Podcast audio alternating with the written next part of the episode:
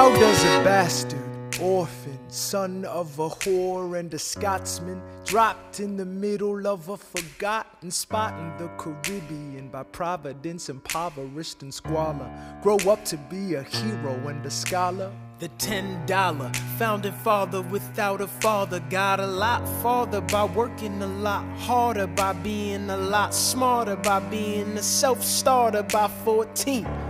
They placed him in charge of a trading charter. And every day while slaves were being slaughtered and carted away across the waves, he struggled and kept his guard up. Inside, he was longing for something to be a part of. The brother was ready to beg, steal, borrow, or barter. Then a hurricane came and devastation reigned. Our man saw his future drip, dripping down the drain. Put a pencil to his temple, connected it to his brain, and he wrote his first refrain, a testament to his pain. Well, the word got around, they said this kid is insane, man. Took up a collection just to send him to the mainland. Get your education, don't forget from whence you came, and the world's gonna know your name. What's your name, man? Alexander Hamilton.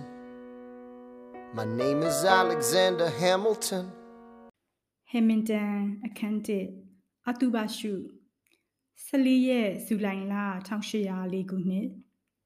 လူသက်သမားဤတနက်တန်ရဖြင့်ဝမ်ပိုင်ဟောင်းလောင်ပွင့်၍တည်ဆုံးခဲ့သော New York Post သတင်းစာဒိုက်ပိုင်ရှင် Alexander Hamilton ၏အလောင်းမှာ New York မြို့ Trinity ဖျားကျောင်းတွင် ရှိနေခဲ့သည်ယနေ့ကျင်းပမိအတုပအခမ်းအနားမှာနီးကပ်လာပြီဖြစ်သည် အမေရိကန်ပြည်ထောင်စုကိုတည်ထောင်ခဲ့သူတူဖြစ်သည့်အပြင်ဗန္ဒာရေးဝန်ကြီးဟောင်းဖြစ်ခဲ့သောဟမ်မင်တန်၏အတုပသို့အစိုးရအရာရှိများစွာတက်ရောက်ကြသည် Trinity ဖျားကျောင်းရှိတက်တဲ့ Robinson လမ်းပေါ်တွင်စစ်ပင်ခရာတီးဝိုင်းသည်လွမ်းမောဖွယ်ကွန်ပျူတာသံများကိုတီးမှုတ်လျက်ရှိပြီးဟမ်မင်တန်သည်အမိမြေအတွက်စစ်သားကောင်းကြောက်လည်းဖြစ်ခဲ့သေးသည် လမ်းပေါ်တွင်ငိုကြွေးနေသောပြည်သူများဖြင့်ပြည့်နေသလိုလမ်းတစ်လျှောက်အဆောက်အုံများမှပြတင်းပေါက်များအလုံးတွင်ညှိုးငယ်သောစိတ်နှလုံးနှင့်မျက်နှာများစီတန်း၍ရှိနေကြသည်အတူပါအခေါင်းကိုမြုပ်နှံမိဖျားကြောင်းသို့ဟမ်မင်တန်ဤမိသားစုအပါဝင်ဆိုင်သူအပေါင်းစုဝေးရောက်ရှိလာကြပြီမွေးစားသမီးတယောက်အပါအဝင်ကလေး၈ယောက်ကျန်ရစ်ခဲ့သောဟမ်မင်တန်မိသားစုတွင် တားငယ်ဆုံးကလေးမှာအသက်နှစ်နှစ်မြသာရှိသေးသည်မင်းပြိတ်သက်များထဲတွင်ဟမ်မင်တန်ကိုစူးညောက်ခလုတ်တစ်ခုတစ်ဖွဲသဘောထားသူများပါနိုင်သလိုဟမ်မင်တန်၏လမ်းစဉ်ကိုနှစ်သက်ယုံကြည်သောကြောင့်ဖြစ်စေဟမ်မင်တန်ကိုမျက်နှိုးချစ်ခင်သောကြောင့်ဖြစ်စေရောက်လာကြသူအပေါင်းလေးပါဝင်ပါသည်ထိုသူတို့အားလုံးလိုလိုပင်ဘဝလန်တခြားကိုဟမ်မင်တန်နှင့်ပတ်သက်သော အမှတ်ရစရာများကို ပြန်ပြောင်းအောင်မေ့မိကြပါသည်။အီရွန်ဘာဆိုသူကပြောသည်တရားမဝင်အိမ်အောင်ကမွေးလာတဲ့သားကျုပ်ကိုဒုက္ခပေးခဲ့တဲ့မိဘမဲကလေးကြီးပြည်တစားနဲ့စကော့လူလေတို့ကမျိုးဆက်ပြီးလူဖြစ်လာတဲ့သူကန်တီလိုခရစ်ဘီယန်ကျွန်းကနေကူးလာပြီးဒီမှာကြီးလာတဲ့အုတ်ကြားမြက်ပေါက်လမ်းပေါ်ကလူငမွေဒီလိုလူဟာသူရဲကောင်းဖြစ်ဖို့ပညာရှင်ဖြစ်ဖို့ခြိုက်သလား ကျန်အာတူဘတ်စထရမိတ်ဆွေများကဆက်ပြောကြသည်မိတ်ဆွေကြီးဟက်မင်တန်ရေခမည်းဟာအမေရိကန်ငွေစက်ကူတွေပေါ်မှာပုံနှိပ်ပြီးဂုံပြူခံထိုက်တဲ့သူပါအမေရိကဆိုတာအဖမဲတဲ့သားတယောက်ဖြစ်ခဲ့ရင်တောင်မှအရေးချင်းရှိတဲ့နိုင်ငံတော်ရဲ့ပြည်သူ့ကတယောက်ဖြစ်လာနိုင်တဲ့နေရာလို့ပြခဲ့တာခမည်းရဲ့ဂုံပါပဲခမည်းဟာလူငယ်တွေညံကြီးဖို့အရေးကြီးကြောင်းအလုတ်ကိုမရက်မနာစူးစမ်းပြီး မြင့်မားတဲ့နေရာတွေကိုရောက်နိုင်ကြောင်းပြခဲ့တဲ့သူပါခေါင်းဆောင်ကောင်းတယောက်အဖြစ်ကိုတူးကိုချွန်လူတယောက်အဖြစ်ခမည်းဟာစံနမူနာပါပဲရေပေါ်အသက်14နှစ်မှာပွဲရုံမန်နေဂျာဖြစ်လာခဲ့တဲ့ခမည်းဟာဘယ်လောက်ထက်မြက်တယ်ဆိုတာလူငယ်တွေအားကျအောင်ပြောပြစရာပေါ်ရောင်းရင်ရကျန်အတုပရှုလာတဲ့မိတ်ဆွေများကဆက်ပြောပါတယ် ခမည်းရဲ့ငွေဝဲကျွန်ပပြောက်ရေးအိမ်မက်ကိုကျုပ်တို့ကတော့ဆက်ပြီးတည်ဆောင်သွားရပေအောင်တော့မယ်ဟမ်မင်တန်ရေမောင်ရင်ဟာငငယ်ကဖြတ်တန်းခဲ့ရတဲ့ဘဝအတွေ့အကြုံကရုံရင်ကြမ်းတမ်းမှုတွေတင်းကြပ်ပြည့်နေခဲ့တော့ဝေဝဲကျွန်ရဲ့ဒုက္ခကိုကိုချင်းစာတတ်ခဲ့သူပဲခရစ်ဘီယန်ကတရားထုတ်တဲ့ကြံဆိုင်ခင်းတွေမှာဝေဝဲကျွန်းတွေရဲ့အနှိမ့်ဆက်ခံရပုံကိုခမားမှာမခံနိုင်ဖြစ်ခဲ့ရလို့ဝေဝဲကျွန်းပပျောက်ရေးကိုယုံကြည်ခဲ့တဲ့သူပေါ့ မောင်ရင်ကယထာဆောင်လူမဲကိုတောင်အသက်ရန်ရှာခံရမှာဆိုလို့ယထာသေးဝှက်ပေးခဲ့တာအမှတ်ရစရာအဲ့ဒီချိန်တွေကတည်းကခမည်းစိတ်ထဲမှာတော့ကြီးကျယ်တဲ့တော်လှန်ရေးတွေလုပ်ပြရတော့မယ်လို့ထင်နေခဲ့မှာပဲငယ်ဘဝရဲ့ကြက်တီးမှုတွေကခမည်းကိုနိုင်ငံရေးသင်ခန်းစာတွေပေးခဲ့တဲ့ထင်ပါရဲ့နိုင်ငံရေးငွေတစ်စနစ်ကိုပြုပြင်ရတဲ့အခါမောင်ရင်ကုန်တဲ့ဘဝမှာလုပ်ခဲ့ရတဲ့ ခြေတက်ငှားတတ်တာကို့အတွက်ကြံအောင်ကုံစီကိုဖလှယ်တတ်တာဒါတွေကအတုံးတက်လာကြဗျာနိုင်ငံတစ်တစ်ခုရပ်တည်ဖို့အတွက်လူရည်လေရတဲ့အလုပ်တွေအလုံးကိုခမည်းဟာကျွမ်းကျွမ်းကျင်ကျင်အစဉ်သင့်ဖြစ်နေတော့တယ်။ကြံရောက်ရှိနေကြတဲ့ဧည့်သည်များကလည်းဆက်လက်ပြောကြားကြပါတယ်။ခမည်းပြောတာဟုတ်တယ်ဗျာ။ငငယ်ကတော့ညံတော့အမတန်ကောင်းနေသူ 1992ခုနှစ်ဩဂုတ်လ31ရက်မှာတိုက်ခတ်ခဲ့တဲ့ဟာရီကိန်းမုန်တိုင်းကြီးကသူနေတဲ့ Caribbean ကျွန်းကိုပြပြဝတ်သွားလောက်အောင်အပျက်စီးများစွာနဲ့တိုက်ခတ်ခဲ့ခြင်းဟာသူ့အတွက်စိတ်ဓာတ်ကျစရာအခြေအနေမျိုးပါဒီချိန်မှာဆက်ဆက်တွေးတောတတ်တဲ့သူ့ရဲ့ကောင်းထဲကထွက်လာတဲ့စာရဆောင်ကြောင့်နာမည်ကျော်ရပြန်တယ်ုံတိုင်းကြောင့်မျိုးကလေးခံစားရပုံကိုစာရီရေးပြီးသူ့ဆရာဖြစ်တဲ့ဘုရားကျောင်းကကျောင်းတိုင်ကိုပြတော့ အဲ့ဒီခင်ကြီးကသူပိုင်တဲ့သတင်းစာဖြစ်တဲ့ Royal Danish American Gazette ထဲမှာပုံနှိပ်လို့ရအောင်ချိတ်ဆက်ပေးခဲ့တယ်။စာတွေကကာယံနဘေတွေနဲ့အကြအနရေးထားတဲ့စာတွေဖြစ်နေလို့ပဲ။ဖခင်တယောက်စီကိုရေးထားသလိုလိမ့်မူထားတဲ့ဒီစာတွေကမျိုးမိမျိုးဖတွေတတိထားမိလောက်အောင်အရေးသားကောင်းခဲ့တယ်။ အဲ့ဒီတော့တမျိုးလုံးကဒီကလေးကတော်လိုက်တာလို့တဖွာဖွာချီးမွမ်းကြတော့တာပေါ့။ဒီတော့သူပညာဆက်တင်ဖို့အတွက်အလှခံပေးတဲ့သူတွေပေါ်လာတယ်။ခုနကဖုံးတော်ကြီးရဲ့နှမဝမ်းခွေနဲ့ဟင်မင်တန်အလုပ်လုပ်နေတဲ့ပွဲရုံကတထေးတွေက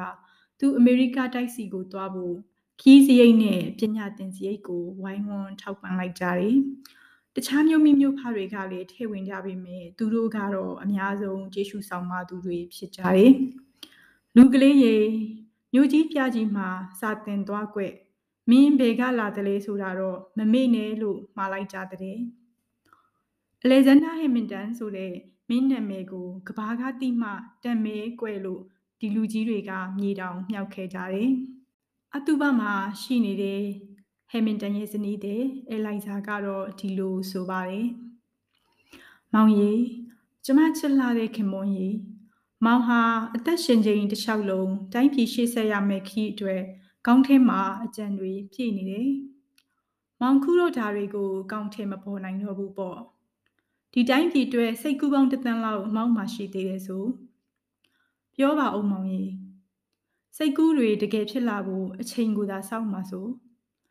ကျမရင်နေကွဲရပြီပေါ့ချေရီ ဆယ်နှစ်သားကလေးကအမေကဆုံးပါအဖေကဆွန့်ပစ်သွားတဲ့အဖမေသားကျွေးထူနေတဲ့အိမ်တော်မှာအမေကလည်းအိပ်ရတယ်လေတဲ့အခါတနာစရာကောင်းလိုက်တဲ့သားငယ်သူဟာဒီလိုကလေးဘဝကလာရတဲ့သူပါပြန်စဉ်းစားရင်ကျမမျက်ရည်ကျရပါတယ်မောင်ရဲ့လိုင်စာရဲ့စကားအဆုံးမှာအတုပလာတဲ့မိတ်ဆွေများကလည်းဒီလိုဆိုပါတယ် ဒီလိုနဲ့ဖတ်တဆိုးဖြစ်လာခဲ့ရကနေအမေကနာရရှိယောဂာနဲ့ဆုံတော့မိဘမဲကလေးလုံးလုံးဖြစ်သွားပါရောလားအဲ့ဒီခါကျတော့ဟမ်မင်တန်ဟာသူ့အကိုဝမ်းခွဲအိမ်ကိုပြောင်းနေရတယ်ဖြစ်ချင်တော့အဲ့ဒီအကိုဝမ်းခွဲကအကြောင်းကြောင်းကြောင့်သူ့ကိုယ်သူတေချောင်းကြံသွားခဲ့တယ်ဟမင်တန်ဟာအားကိုးစရာနဲ့တိအမွေရလို့ဘာမှမရှိတဲ့အခြေအနေမှာကိုဘဝကိုကာကွယ်ပေးမဲ့သူမရှိဘူးကိုကိုကိုသာကာကွယ်နိုင်မယ်ဆိုတဲ့မန်တစ်ခုနဲ့အသက်ဆက်ရှင်ရတယ်။ LS ကလောကမှာပြတိုင်းတောင်လိုနေတတ်မှလို့အာတင်ခဲ့ရတယ်။ဆယ်ကျော်သက်ကောင်ကလေး Alex ဟာအလုတ်ကိုပိုနားလေဖို့စာအုပ်စင်ပေါ်ကကုံသွယ်ရေးစာအုပ်တွေနဲ့စာကြုပ်စာတမ်းမှန်သမျှကိုအလွတ်မပေးပဲဖတ်မယ်လို့တန်ဒိဋ္ဌံချခဲ့တယ်။ဒီလူတွေရဲ့စကားအဆုံးမှာဆက်ပြီးပြောခဲ့တဲ့သူကတော့အေရွန်ဘာပါ။ လူရည်မလဲတဲ့သူဆိုရင်တော့အဲ့ဒီအချိန်မှာသူ့ဘဝဟာဘာမှကိုလုပ်စရာမရှိတော့တဲ့အခြေမျိုးဖြစ်မှာပါပဲ။အသက်တောင်ရှင်ခြင်းမှရှင်မယ်။ဒါမှမဟုတ်အဖက်မစင်နိုင်ပဲပြက်မွဲတည်နေတဲ့ဘဝကိုနေထိုင်သွားရမှာပဲ။ခုတော့သူကသူ့အမေရဲ့မြေပိုင်ရှင်တတိအလုတ်ထဲမှာစည်ရည်အလုတ်ကိုရတဲ့ဗျာရမ်အရက်တွေနဲ့တကြားတွေချက်တဲ့ကြံတွေကိုရောင်းဝယ်တဲ့နေရာမှာငွေသွင်းငွေထုတ်ကုံဝင်ကုံထွက်တွေကိုမှတ်ရင်လက်လှမ်းမိသလောက်စာအုပ်ကိုမလွတ်တမ်းဖတ်တော့တာဆိုပဲအကြံကြီးတဲ့သူမို့အခုသူရောက်ခဲ့တဲ့နိုင်ငံပြည်သူကနေရာကိုရောက်ဖို့အဲ့ဒီလူငယ်ဘဝမှာပဲပြင်ဆင်နေခဲ့ပါတဲ့နောက်ဆုံးတော့ဒီလူဟာနယူးယောက်ကိုဥတီခုံမောင်းလာတဲ့တင်ပေါ်ကြီးပေါ်ရောက်လာပါရောလားဗျာနယူးယောက်ကိုရောက်တဲ့အခါခရစ်ဘီယန်ကအဲလက်စ်ဟာကြံခဲ့ပြီဗျလောကမှာစိတ်တစ်လူတစ်ဘဝအသစ်နဲ့ဟေမင်တန်ဖြစ်လာပြီဆိုတော့ နယူးယောက်ကြီးငါလာပြီဟေ့ငါပဲသူဆိုတာစောင့်တာကြည့်လို့ကြွေးကြော်လာခဲ့တဲ့သူအေရွန်ဘာရဲ့စကားအဆုံးမှာအာသူဘရှုလာခဲ့တဲ့မိတ်ဆွေများကဆက်လက်ပြောကြပါတယ်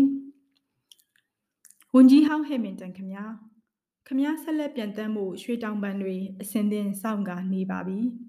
ပြန်တန်းသွားတော့မဲ့ခမညာကိုဘသူကမှဆွဲမချနိုင်တော့ဘူးဗျကိုကျိုးကိုမငဲ့ခဲ့တဲ့သူ ကိုပိုင်ချင်းရဲလို့မထားပဲပေးဆက်ခဲ့တဲ့ခမရအတွက်နယူးယောက်မြို့ကြီးကအမေရိကန်ပြည်အောင်စုကြီးကဂုံပြူနှုတ်ဆက်တေးတွေတည်ကျွေးနေပါပြီဗျာပြည်သူတွေကခမည်းကြော်လွှားဖြတ်တန်းခဲ့ရတဲ့ဒုက္ခအထွေတွေကိုသိချင်မှသိကြမှာပါ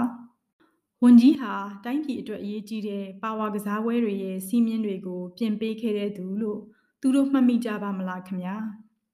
ခမားဆိုတဲ့လူတယောက်ပေါ်လာပြီးတဲ့နောက်မှာကဘာဟာအရင်တိုင်းမဟုတ်တော့ဘူးဆိုတာသူတို့သိကြပါမလားခမားကိုငိမ့်အေးရာအမဒစီတင်ဆောင်သွားမဲ့အမြိုက်လေးဟာကမ်းခြေကိုရောက်နေပါပြီ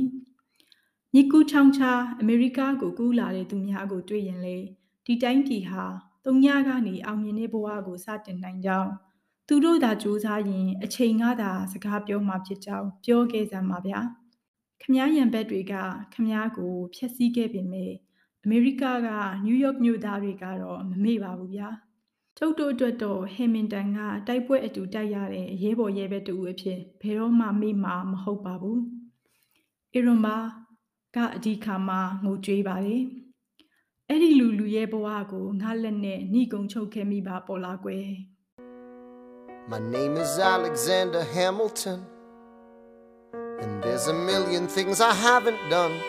But just you wait,